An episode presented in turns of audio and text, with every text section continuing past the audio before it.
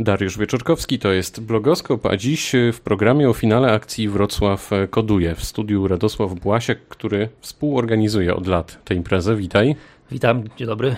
Od kilku lat y, słyszymy o tym, że no w zasadzie nie powiem, że wszyscy kodują i programują, ale znakomita większość już od najmłodszych lat.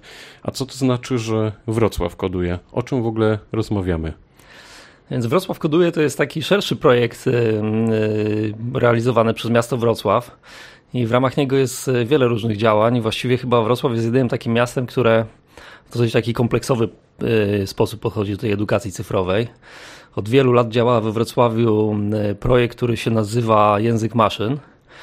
I on był skupiony głównie w szkołach podstawowych. To jest taka nauka, powiedzmy, programowania, algorytmiki bez udziału komputera właściwie czyli poprzez zabawę z dziećmi e, się tam w ten świat algorytmu i programowania je wprowadza. E, natomiast, e, natomiast to, czego do tej pory od jak, przez jakiś tam czas we Wrocławiu nie było, to nie było tej kontynuacji. To znaczy, gdzieś tam się kończyły te programy, projekty adresowane do tej takiej dzieci i młodszej młodzieży, gdzieś tam do powiedzmy szóstej klasy szkoły podstawowej.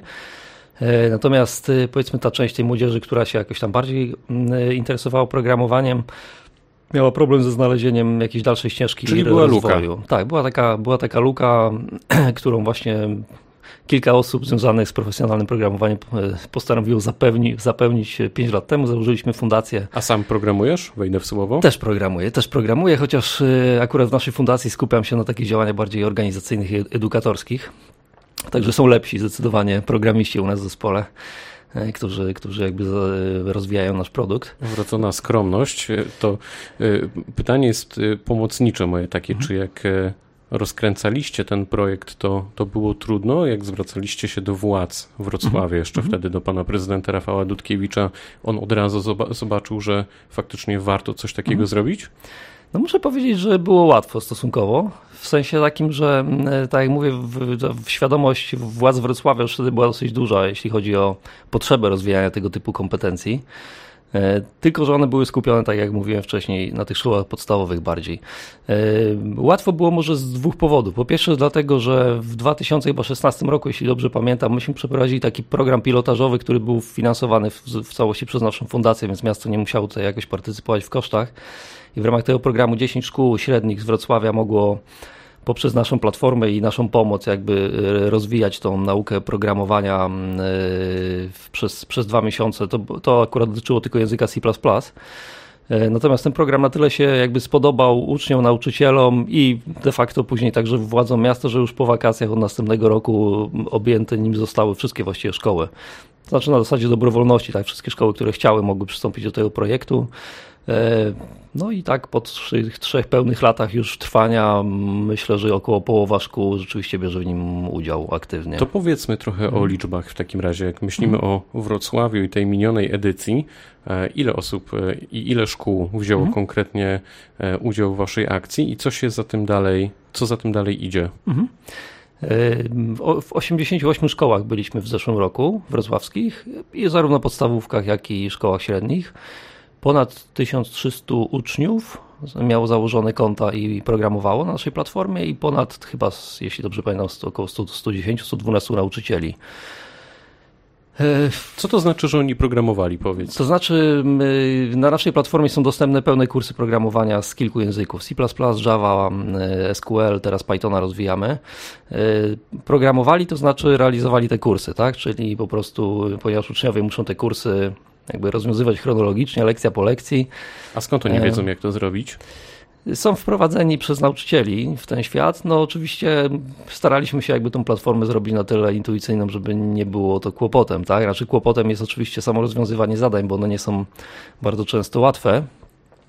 E, ale od tego, od pomocy jakby jest zarówno nasz sam system, jak i, jak i nauczyciele, no jak i w ostatecznej instancji jesteśmy od tej pomocy, my, z nami się też można kontaktować, także każdy użytkownik e, nie, nie jest pozostawiony bez jakiejś opieki. Czyli porządkując, mamy taki, taką inicjatywę jak Wrocław Koduje, kolejną mhm. edycję, kolejna zapewne przed nami, o czym pewnie też za chwilę powiesz. Mhm. E, uczniowie i nauczyciele dostają dostęp do specjalnej platformy, tam z jednej strony mhm. mają instrukcje, z drugiej dostają poszczególne zadania, jak się domyślam, gromadzą jakieś punkty, tak? Tak, coś, tak, coś taka, w ten taka, taka, taka sfera grywalizacyjna też tam jest zabawowa, powiedzmy. No właśnie, i tydzień mhm. temu doszło do rozstrzygnięcia. Tak, to prawda. Znaczy każdy rok szkolny kończymy taką uroczystą e, galą na Politechnice. Tu muszę od razu wspomnieć, podziękować Politechnice Wrocławskiej przy okazji, która wspiera też od początku ten projekt i e, to zamknięcie, to zakończenie roku zawsze jest w auli Politechniki organizowane. Rzeczywiście jest tak, że w czerwiec czy tam koniec maja to jest ten moment, kiedy ogłaszamy wyniki, tak? Jest to wszystko w formie ligi, więc tam zarówno szkoły konkurują ze sobą, jak i uczniowie. Oczywiście podchodzimy do tego z przymrużeniem oka, no, no niemniej jednak jest, niemniej jednak jest, jest, jest tam element rywalizacji też tak w tej lidze. Mm, było zakończenie rzeczywiście. Kilka najlepszych szkół otrzymało od nas nagrody, również najlepsi użytkownicy. We Wrocławiu wygrało liceum ogólnokształcące numer dwa. Tutaj trzeba oddać też y, duże zasługi nauczycielowi, który tam uczy, bo jest to szkoła de facto sportowa, e, a wygrała z kilkoma szkołami, które mają klasy informatyczne. Więc y, bardzo dobrą robotę tam, y, tam robi nauczyciel, no i oczywiście uczniowie także. Czy ci uczniowie, którzy wygrywają, wy później jakoś mhm. im, bo z tego co wiem tak jest, pomagacie, żeby oni dalej rozwijali te zainteresowania, żeby na przykład wybrali odpowiedni kierunek studiów, a może już też nawet y, praktyki w tej mhm. branży IT? E, tak, staramy się, staramy się tak robić. W zeszłym roku zwycięzca miał zapewnione mm, e, płatne praktyki w jednej z wrocławskich firm IT. Ponieważ także, tak jak wspomniałem, współpracuję z Politechniką Wrocławską, więc e, de facto no, wszyscy ci tacy wybijający się tam e, uczniowie no, z naturalną koleją rzeczy są kierowani w stronę Politechniki. Nie mają wyjścia. Tutaj nie chcemy deprecjonować żadnych innych uczelni, które są też we Wrocławiu świetne, w szczególności myślę Uniwersytet Wrocławski ma bardzo dobry też Wydział Informatyki. E, natomiast faktycznie większość e, trafia na Politechnikę, no i tam, e, tam są oczywiście objęci też naszą opieką i opieką samej Politechniki. Także jest wielu takich użytkowników, którzy już kończąc szkołę już na tyle dobrze programuje, że też nam pomagają jako fundacji, więc angażują się w, nie wiem, w testowanie lekcji, w wyłapywanie jakichś błędów, nawet w przygotowywanie zadań. Czyli trochę zaczynają już działać tak, zawodowo. Tak, tak, to Twoim tak. zdaniem jest niezbędne, by w dzisiejszym świecie już od najmłodszych lat zacząć się interesować tym światem, programować, kodować, w ogóle być w tym świecie IT? No do pewnego stopnia na pewno, to znaczy w, w tym sensie, że właściwie w każdym zawodzie w, gdzieś tam o tą informatykę się trzeba otrzeć, tak? Nawet jeśli to nie jest programowanie, no to jest to po prostu korzystanie z jakichś narzędzi informatycznych. E, natomiast, natomiast jest niewątpliwie e, zarówno w Polsce, jak i w ogóle w Europie duży problem z, brak, z niedoborem specjalistów IT, a szczególnie programistów, więc no staramy się jakby jak największą grupę młodzieży zachęcić do tego, żeby się właśnie w programowanie angażowała. E, no po to, żeby troszeczkę więcej było tych absolwentów wyższych uczelni, także tych kierunków informatycznych. Może tutaj nasza rola jest niewielka, ale na pewno ci, którzy idą na te kierunki są lepiej przygotowani, jeśli wcześniej z nami współpracowali. E, no a jest też taka grupa mm, uczniów, którzy wybierają inne kierunki niż informatyczne, ale już potrafi trochę programować, więc w tych swoich zawodach potrafią się jakby odnaleźć na w troszeczkę innym e, świetle, tak? A jak młodych ludzi ustrzec przed e, niebezpieczeństwem, które czyha w sieci? Jak zadbać o ich to cyberbezpieczeństwo? Też dbacie o ten odcinek? No to, to jest bardzo ciekawe pytanie. Mieliśmy właśnie na gali tej ostatniej, podsumowującej ostatnią edycję Ligi E, prelekcję bardzo ciekawą na temat cyberprzemocy, prowadzoną przez, e, przez takie dwie fajne psycholożki. E, jest to tak wieloaspektowy problem, że właściwie trudno tutaj, nie wiem, jednym czy dwoma zdaniami to ogarnąć. No, Ale rozumiem, że rola zwracacie tutaj... uwagę na to też tym młodym ludziom. Tak, tak. Trzeba, trzeba zwracać uwagę na takie rzeczy jak fake newsy, jak prywatność w sieci, umieszczanie informacji o sobie na w portalach społecznościowych i tak dalej. No jest to bardzo wiele aspektów. Na pewno i rodzice tutaj mają swoją rolę do odegrania i nauczyciele. E, no ale jakaś taka świadomość i racjonalne myślenie młodych ludzi, no to jest podstawa. Rozwijacie ten projekt e, powoli w całym kraju. Wrocław jest e, z kolei stawiany jako wzór Smart City w Polsce. Potwierdzasz to, że faktycznie stolica Dolnego mhm. Śląska wyznacza trendy?